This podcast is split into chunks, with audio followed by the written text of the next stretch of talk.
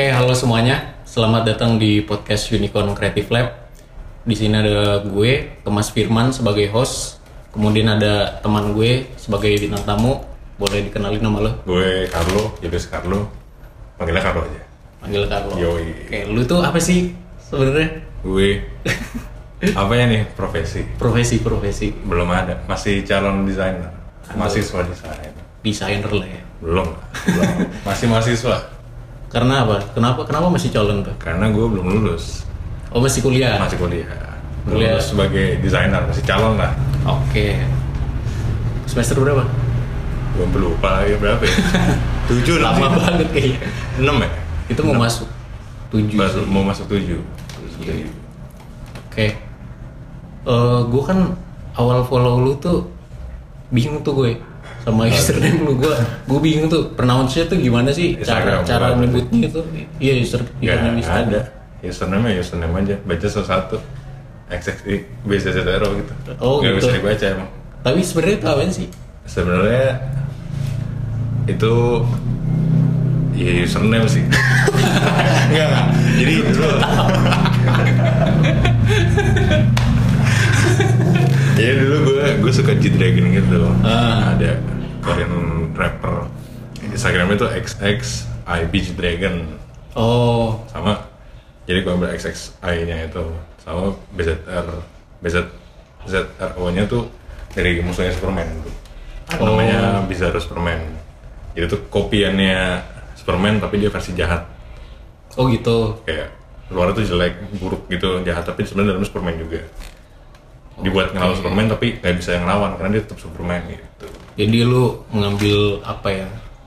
Filosofi kayaknya Iya. buat ya itulah. Dari situ lah ya dari situ. Username. luarnya buruk gitu keras tapi dalamnya tuh sebenarnya niatnya baik.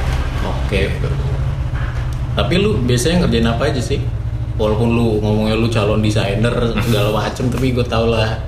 Lu gue sukanya sih ngerjainnya grafis ya.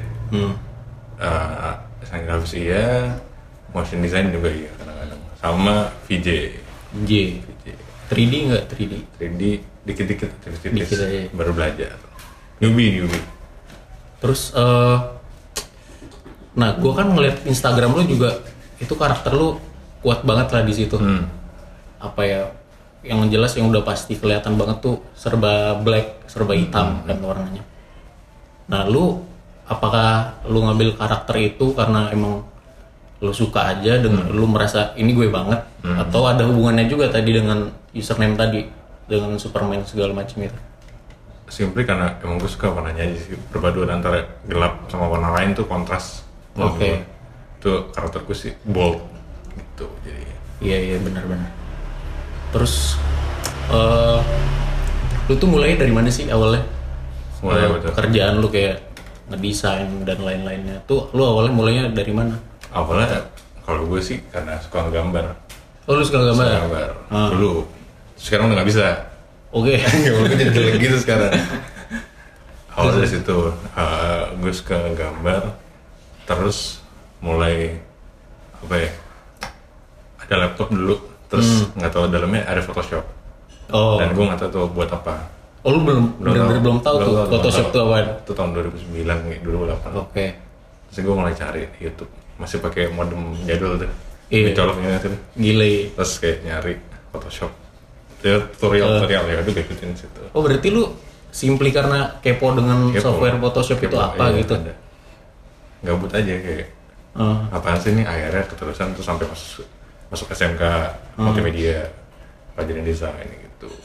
nah lu awal cari kan di YouTube tuh Hmm. terus itu apa yang pertama lu pelajarin Bikin siluet, oh bikin siluet siluet muka. Siluet muka. Iya. Situ aja gue gak ngerti cara mindahin layer. Ya, layer satu, layer dua, disuruh Iya. klik gitu kan gue gak bisa. Dua jam gue nyari layer doang. Ih, tapi emang gue juga awal lihat Photoshop gitu ya, emang user interface-nya tuh gue bingung banget sih Hmm. dulu. Photoshop juga. tujuh gitu kan. gue biasa kan, biasa awal-awal tuh ngelihat apa namanya masih bocah ya mainnya Microsoft Paint kali. Iya, iya, iya. Nah kan itu beda banget kan, makanya gue juga bingung juga tuh. Nah terus tuh udah tuh belajar kan awalnya dari situ kan. Tapi keterusan tuh sampai SMK. Terusan. Terus eh, emang sejak belajar itu lu ngerasa lu udah nyaman banget tuh ngerjain itu berarti. awalnya sih kayak sekedar hobi dari gambar biasa jadi ke digital Heeh. terus seneng aja bisa ngemodify sesuatu yang mungkin di manual tuh rada susah buat gue misalnya kayak apa tuh? contoh kayak ya lu kalau mau undo kan nggak bisa Oh iya. undo kan nggak bisa itu itu seru sih terus kayak lu mau ngasih efek tuh di, di digital di manual kan susah Ah, digital tinggal klik doang iya iya. Jadi be- batas eksplorasi lu di digital lebih luas Lebih dan luas. lu bisa ngelakuin itu lebih efisien ya Nah. kalau digital ya. hmm. Iya iya. Nah terus em, lu sampai di titik, eh gue pengen pengen berkarir di sini gitu deh. Itu lu di mana? Apakah sebelum masuk SMK atau pas sudah masuk SMK atau gimana? tahunya sih pasti pas udah duit pertama ya Oh, eh. wah asik juga nih Nah itu lu dapat duit pertama tuh eh, pas sudah masuk SMK atau sebelum? sebelum sebelumnya Pertama banget deh. Tapi yang berhubungan dengan itu. Kayak pas awal SMK gitu Awal SMK. Apa Ada tuh? kecil-kecilan gue juga lupa sih sebetulnya apa Tapi eh, graphic design lah gitu. desain ya Desain. 2D Nah terus lu dari situ tuh, ya gila seru juga nih. Iya seru juga nih asik ya. Oh, ternyata ada profesinya. Gue hari kalau ini emang ada bidang profesinya, ada Hmm. ada ekspertisnya juga gitu. Itu lu nyari tahu kayak gitu pas kapan tuh pas SMK? Iya. Pas sudah dapat itu. awal-awal, nah, pas awal SMK baru kelas satu lah. Berarti lu pas awal ini mah lu belum tahu DKV atau graphic design gitu atau Udah cukup tahu, lumayan. Udah lumayan hmm, tahu. ada info. Gitu. Oke. Terus itu tapi lu lupa ya apa lu pertama kali di hire tuh sama siapa? Yang kecil-kecil tuh lupa sih, yang kecil. Ah, Tapi yang langsung gede gitu gue inget sih. apa tuh yang langsung gede? Gue ngerjain apa namanya? Gue ngerjain iklannya apa namanya? Acara net. Oh, acara Pro. Warrior namanya. Apa? Pro Warrior. Pro Warrior. Acara rokok gitu di net ada dulu. Ah, Itu kayak job pertama gue yang gede. Oke. Mau grab di mana gue baru gimana ya masih tipis-tipis lah gue nggak Hmm. ngerti tapi diajak terus gue kayak yakin gak ya ya udahlah gue nekat aja Ah. gue masuk lumayan bre Iya sih. pertama kali gue di situ sih Nah yang menarik kan eh, lu bisa dibilang eh, modal modalnya tuh kalau lu nggak nekat berarti lu nggak nggak ngambil itu ya. Karena lu sendiri lagi bukan lagi lagi- eh, belum pede sama Iya. skill lu gitu kan. Nah itu itu penting juga sih mas gue. Karena kadang kita gue sering juga karena soalnya ketemu beberapa orang bukan karena skill yang dia minim ya. Hmm. tapi emang dianya nggak pede. Dan nggak nekat gitu. Akhirnya yaudah dia nggak berani nyoba apa apa di saat itu skill gue minim. Nah iya. Di saat itu skill gue minim. Padahal kan skill lu minim waktu itu kan. Tapi karena lu nekat akhirnya lu mau nggak mau ada dorongan dong dari da- dari dalam diri lu untuk upgrade skill lu kan? Harus. Ya dari situ sih emang penting juga tuh nekat sebenarnya. Iya iya. Terus apa lagi? Tadi gua lupa. Eh, lu waktu itu kan lu belajar tuh sebelum masuk SMK tuh awal-awal Photoshop kan hmm. nah terus di situ pasti lu bahkan sampai yang lu dapat ker- pekerjaan di net aja kan lu masih ngerasa ah gue masih cukup banget gitu kan terus lu udah mencapai titik yang lu merasa udah jago belum? belum sih Belum. pro banget nih belum nggak akan pernah gak akan pernah ya? nggak akan pernah berarti lu gak akan bisa melihat tapi lu bi- bisa bayangin gak sih?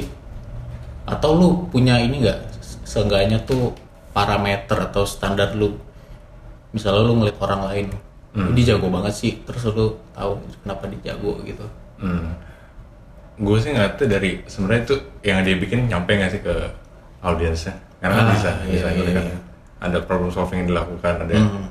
ada sesuatu yang diberesin dan disampaikan. Itu kalau impactnya kena banget ke orang-orang itu gue bisa apresiasi gitu sih. Oke iya. Karena emang iya bener sih karena ketika lu ngedesain emang sebenarnya tantangannya di situ ya. Tangan di situ. Percuma lu menurut lu bagus tapi orang lain nggak ngerti. Iya, iya, iya. ya berarti lu bisa dibilang belum menyampaikan dengan benar. Iya bener sih. Gue juga sering tuh ngeliat beberapa orang ya. eh, kalau ngomongin keren-keren desainnya gitu kan. Tapi eh, buat audiensnya mungkin atau buat keperluan desainnya untuk apa itu nggak cocok gitu. mungkin dia maunya jadi artis Iya kali ya Bukan tan- desainer. tanpa dia sadari mungkin dia mungkin sisi gitu. artistiknya berat Ah, ah, cenderung ah, situ dan bisa tinggi Tetapi lu eh kalau lu sendiri nanganinnya gimana? Maksudnya oh betul lu kan pertama kali belajar kan ya udah belajar lu sesuka lu bikin ini Hmm. itu terus lu ada sempat sulit gak sih misahin ego lu sebagai seniman dan sebagai desainer gitu. Itu gimana caranya? Kalau gue sih tergantung prioritas. Hmm. kalau emang apa yang gue kerjain ini pasti kan ada kliennya. Hmm. kliennya siapa prioritasnya apa di situ? Apa yang mau disampaikan itu yang harus diutamain ke gue. Hmm. sisi idealis gue mungkin sebatas sampai ke kerapian pasti. Ya penggunaan apa pasti. Hmm. uh, typeface gitu kan. Sama sisanya tuh pasti harus ngikutin siapa yang dituju gitu. Iya iya. Karena yang nomor satu audiensnya adalah ya orang-orang yang dituju itu targetnya itu. Iya target benar. pasarnya itu. Benar banget sih. Percuma lu bikin apa keren-keren sesuai hati lu tapi sebenarnya itu buat cowok padahal itu buat cewek. Iya ya benar. kan? Nggak nggak masuk. Percuma lu kayak gitu. Eh, terus pertama kali lu ngerasain lu ada nggak saat-saat di mana lu ngerasain kayak pertama gila berat banget ya gue harus ngikutin maunya klien nih. Hmm, hmm. Tapi gue pengennya begini ini yang menurut gue oke gitu. Lu pernah sebenarnya nggak selama selama klien itu punya edukasi yang baik ya maksudnya ya dia maunya kayak gini gini gini. Hmm. tapi tetap percaya sama desainer. Itu gue gak masalah. Dan gue seringnya kayak gitu. Mhm. jarang gue dapet yang kayak gue maunya gini gini gini gini. Tapi sampai seleranya harus ngikutin punya dia yang Eh, justru malah ngejatuhin apa yang dia mau itu loh jadi Ah. kayak titik balik buat dia sendiri. Kalau Iya. dia nggak bakal nyampe gitu. Oh benar-benar. Nah lu pernah nggak eh, desainer maunya A nih? Hmm. tapi lu sebagai desainer kan lu mungkin lebih paham ya. Hmm. lu eh, menurut lu lebih bagus kalau hasilnya tuh seperti B misalnya. Hmm. terus lu ajuin nih ke klien lu. Hmm. dan klien lu setuju dengan opsi lu. Lu pernah kayak gitu? Cukup sering dan kayak klien lu aja. "Oh, lebih bagus ya ternyata Iya. kayak kalau kayak gini kayak karena kadang-kadang orang tuh butuh bukti visual ada pemba- ada pembandingnya. Aha. Jadi dia maunya A oke kita kasih A. Tapi kalau misalkan menurut lo ini lebih bagus B kenapa nggak dicoba? Iya iya iya. Ini kan demi kepentingan klien juga apa? Si audiensnya juga ntar. Berarti lu pada saat itu lu tetap bikinin bag yang A tapi lu juga bikin yang B gitu? Hmm, karena biasanya kan nggak jauh beda. Ah. Mungkin lo punya idealisme yang sedikit beda gitu. Iya, di sisi lo BM-BM itu kan pasti harus karena ini nih harus harus Hmm. harus gue coba harus gue coba. Iya sih bener. Modal nekat. Nekat ya, balik lagi nekat sih. Nekat.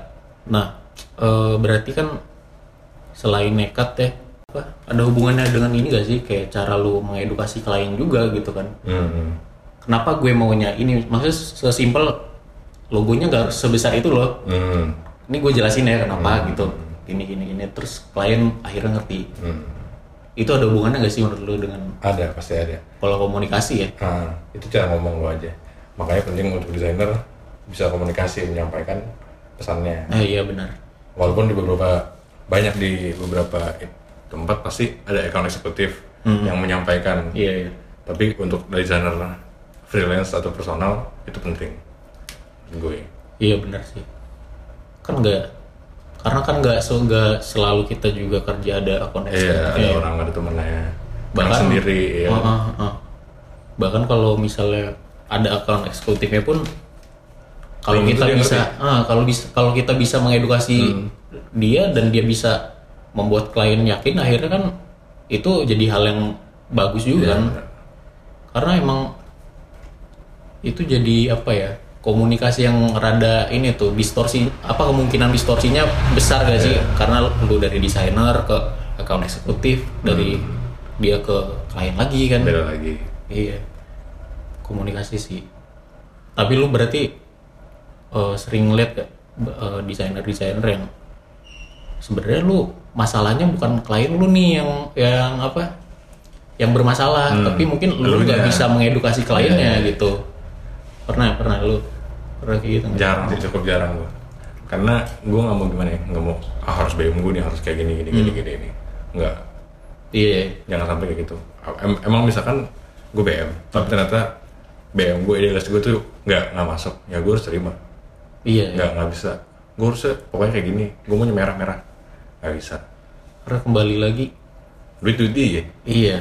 Dan pekerjaan lu apa? Iya. desainer ya maksudnya kadang mungkin kita sebagai desainer juga di beberapa waktu suka lupa kali ya apa esensi kita desainer tuh ngapain sih ya buat orang Menyelesaikan Bukan masalah sebenarnya, bukan ya. buat diri sendiri Iya. buat orang lain Hah.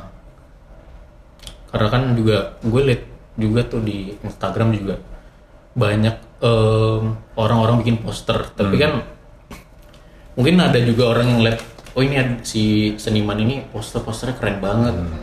Padahal ya dia pure seniman, dia bikin poster sebagai artwork bukan untuk menyampaikan informasi itu ya. Gitu ya. Oke.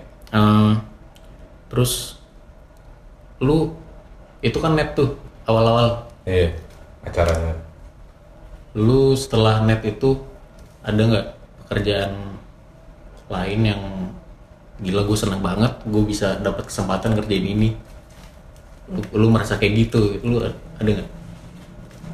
Cukup banyak sih. Banyak? Cukup banyak. Jadi menarik sih lu boleh ceritain nggak dari mana dulu?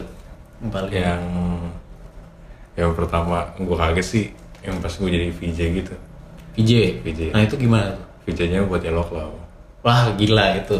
Yoi. Eh, jadi pertama kali pertama kali nih sebenarnya gue mulai belajar nge-VJ gitu kecil-kecilan kan cuma buat gigs sama teman-teman gue. Iya. kecil-kecilan gitu di gigs kecil-kecilan terus tiba-tiba temen gue na orang yang gue kenalin nanya di Twitter ada nggak yang bisa nge-VJ buat tanggal segini. Hmm. gue bales lah. Gue bisa nih. Hmm, ya udah gue nggak mikir tuh buat siapa. Iya. Oh ternyata dikasih tahu buat ramen girl awalnya Ah, ah. buat video fest. Terus gue nggak apa? Belum dikabarin lagi. Setelah dikabarin lagi ternyata ramen girl cancel. Hmm. tapi temen gue bilang ada nih buat dua bulan lagi. Di mana? Gue tapi gue nggak di sini. Di di mana? Di Thailand Vietnam sama di Cina. Lah buat siapa gitu? Ini buat Yellow Claw wah anjing. Terus gue kayak, gue kayak gue kan emang dengerin gue kan emang suka musik-musik kayak gitu ya. Salah satu Yellow Claw gue dengerin oh. Dan emang gue suka gitu kan. Ya kebetulan banget. Kebetulan banget terus pas gue ini ah serius lu? Iya buat tanggal segini segini Iya. ya udah gas jadi. Tapi lo jaring gue dikit iya santai. Itu eh, lu pas dengar nama Yellow Claw lu anjir gimana?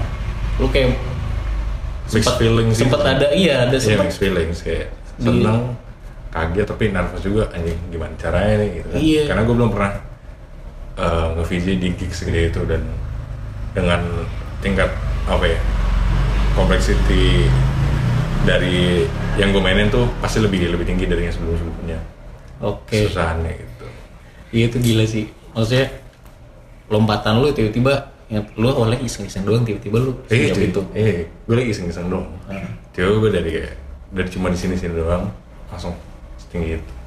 berarti lu sering banget ya ketemu momen-momen di mana gue harus nekat sih ngambil ini Iya, banyak, banyak. Ngomong-ngomong nekat itu buat gue banyak sih. Terus eh apa menurut lu gimana sih? Eh, apakah nekat selalu menjadi hal yang bagus buat lu? Nekat kan berarti identik dengan tekanan ya, pressure. Hmm. Lu lu kalau lu nanggepin itu gimana? Buat gue nekat. Betul. Aman. Aman, lanjut. Dari nekatnya gimana tadi? Nah, kalau eh, kan berarti banyak ya momen-momen dalam karir lu lah gitu ya yang berhubungan dengan nekat. Kalau lu nggak nekat lu mungkin belum sejauh sekarang gitu kan. Nah, lu lu nanggepin eh, nekat itu gimana sih? Maksudnya menurut lu menurut pandangan pribadi lu nih. Nekat kan identik dengan tekanan ya. Kita berarti ada tekanan makanya kita bilang itu nekat. Lu gimana nanggepin itu? pertama-tama sih lu harus tahu risikonya dan apa yang lu punya lu nggak asal nekat ah udahlah jadi aja oh iya. kayak gitu Terus, lu terus. nekat emang lu punya dasarnya lu kurang lebih punya pengetahuan kalau gue bisa Hmm. tapi emang gue belum tahu aja sama lu berani ambil risiko kalau gue nggak bisa gimana kalau gue bisa gimana Hmm. contoh kayak yang di apa ke gigs pertama gue sama Eloklo gue nekat gue nggak bawa laptop sendiri. Ya gila sih. Gue nggak ada alat sendiri. Alat gue ada sih tapi kecil gitu kan. Dan itu juga alatnya minjem punya temen gue Hmm. nggak nggak ada yang punya gue sendiri gue modal nekat badan doang. Gila sama gila. apa yang gue punya. Ya gue punya knowledge buat Ah, mainin itu buat make itu gitu. awalnya nekat kayak gitu bukan yang nekat lo kayak udahlah gue nggak punya skill tapi gue nekat aja pasti gue bisa. Ya mungkin beberapa faktor bisa Hmm. beberapa uh, kesempatan. Tapi kan kayak gitu resikonya lebih tinggi. Ah, gitu. betul betul jadi nekatnya dengan resiko yang rendah tapi dengan apa hasilnya tuh maksimal itu loh. Oh, iya sih benar. nekatnya lu lu punya backupan lah dengan nekat lu itu. Emang lu punya knowledge-nya. Oke berarti em, ya tetap ya berarti lu ketika ada momen-momen nekat itu ya lu melalui pertimbangan yang panjang juga dong. Mungkin nggak selalu panjang ya, Iya. tapi at least lu udah kenal sama diri lu juga berarti karena kan. ya, harus tahu dulu lu punya apa kapasitas lu gimana Nah, berarti apa tadi Eh, kapasitas lu, iya resikonya Resiko. iya. terus apa lagi? sama ya nekat lu itu Nekat. sejauh mana lu berani Oke, Gitu. nah, berarti tiga hal itu penting juga sih emang. Nah terus lu itu gimana? Maksudnya lu kan nekat nih, terus Hmm. yang pas yellow cloud tuh lu nggak bawa, ya lu bilang sendiri, lu modal badan doang sama knowledge lu. Hmm. Itu gimana tuh ber- berlangsungnya sampai akhirnya selesai itu gimana lu ngatasin itu?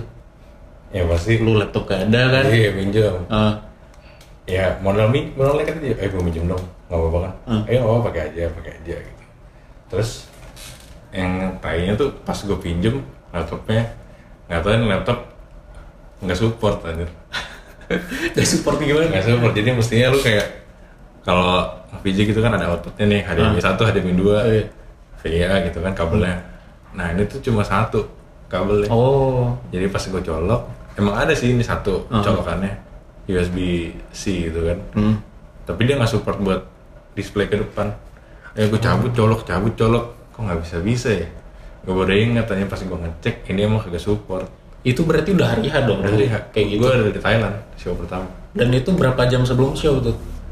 tiga jam kali ya enam jam Gila sih. pas lagi visual check gitu kan Eh, terus gue wah gimana nih ya tapi gue ya mikir oh ya udah kan di sini ada in house VJ-nya Hmm. gue minta izin buat pakai komputernya gitu mhm. Terus itu dikasih? Bisa dikasih pas nah, gue nge dikit doang karena udah udah siap tinggal copy paste aja datanya Iya, bentuknya gitu sih. Jadi lu minjem pure buat main aja lah gitu. iya nah, Oke. nekat tapi tahu resikonya Iya bener-bener. Nekat tapi tahu resiko. Terus em, setelah Yellow Cloud nih, Hmm. apa lagi? Ada lagi? Lu bilang kan banyak tadi itu. yang project lain basic gitu ya Iya, apa pun itulah maksudnya gue seneng banget nih ngerjainnya gitu. sama ini sih sama Kak Glenn sih Oh, Kak Glenn. Yoi. Gitu gimana tuh? Lu ngerjain apa? jadi gue jadi bisa dibilang kreatif timnya dia dari tahun kemarin Oh, dari 2000 ini tahun berapa sih 2020 2020. dari 2019 sih Oke. 2019 2019 awal eh jadi eh jadi teman gue teman SMK gue Hmm. dia di hire. Jadi uh, content plan-nya si Kaglen ini terus di saat, saat itu dia langsung nelfon gue kalau kantor ini butuh desainer. Nah, gitu. Ya udah gue ngecek ngecek dulu nih kantor emang ada bener? Gitu kan. Terus gue liat oh iya masih aktif juga Ah. uh, karirnya bermusik gitu.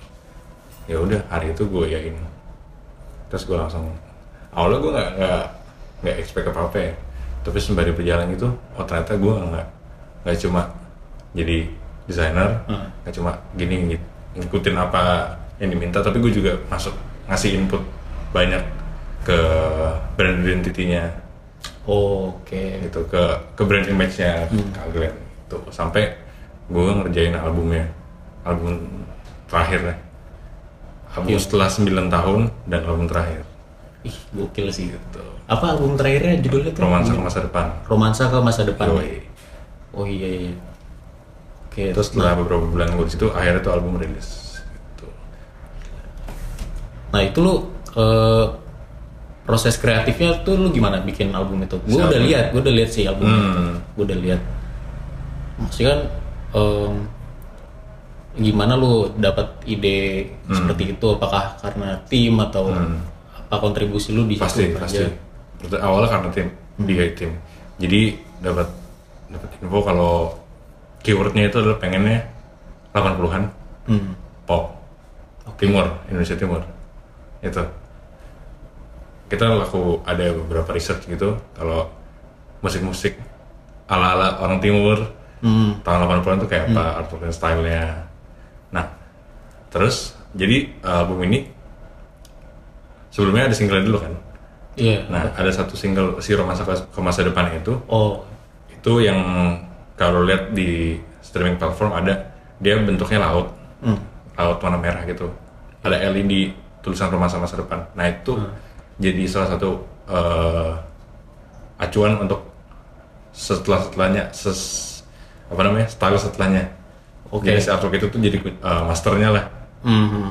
single nah dia tuh kayak gitu vibesnya rada-rada 80-an rada-rada pop tapi juga warnanya tuh nggak yang jadul-jadul banget gitu lah Hmm, kalau lihat tuh tetap ada sentuhan iya, kalau orang sekarang bilang kayak modern ala gitu. Stranger Things gitu lah Oh iya benar. gitu Iya, iya. five vibes kayak gitu nah Iya. terus si album ini ini sebenarnya covernya nggak nggak direncanain bakal kayak gitu ya Iya. spontan pas syuting video klip di Sumba video klip romansa ke masa depan tiba-tiba ngeliat aja tuh ada pohon bakau di pantai Walakiri di Sumba itu kan sekalian bilang ini nih ini lu foto ada fotografernya Hmm.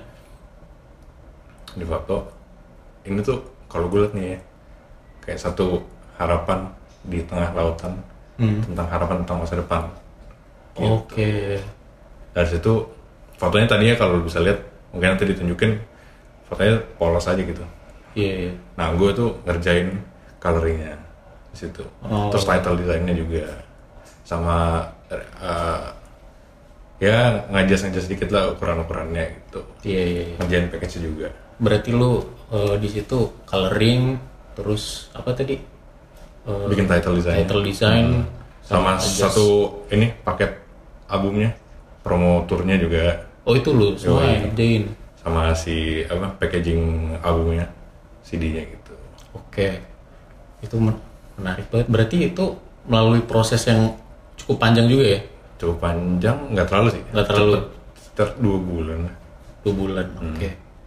Nah dua bulan itu tapi lu udah udah ngerjain semua sepaket itu atau sampai cuma si si finalnya itu Oke. untuk finalnya Nah itu lu lu kan bekerja tim kan. hmm. Maksud gue kan kalau lu sebagai desainer sendiri terus paling ego lu kan lu kalahin cuma buat klien lu doang nih. Hmm. Nah tapi kan kalau tim kan berarti ada lebih lebih dari Hmm. satu orang kan. Itu lu ada maksudnya gimana ya? Lu me- me- mengatur ego lu gimana di situ sebagai mungkin lu pengennya kayak gini atau Hmm. kayak gitu. Tapi yang lain pengennya gak kayak lu. ini ini uniknya di sini ini uniknya di sini sih pas ngerjain album ini Hmm. Entah gimana emang semuanya udah satu satu punya satu visi punya satu pandangan Oh. punya satu pemahaman tentang emang ini yang mau dicapai. Jadi pas versi pertama dari color yang ada itu keluar dari yang gue main udah pasti ini deh nih. Oh iya. udah kayak ini nih ini nih eh, ini kayak gini yang kita mau nih. Udah kayak gitu. Wah itu itu udah wah ini Iya, udah itu unik sih. Iya, terus kayak judulnya mau yang ala ala juga kayak kemarin. Udah nih udah kayak gini. Emang udah mirip kayak gini. gitu ya uniknya tuh berarti lu udah satu visi sama semua ini ya, udah udah semua tim itu. Hmm. Dan berarti mungkin kalau nggak satu visi tuh lebih panjang lagi kali ya proses pembuatannya itu. bisa jadi ya ini emang dari Kaglen juga ini nih ini ini yang gue pengen Emang dari Eh. Kaglennya udah begitu udah juga. ini ini warna gue suka banget.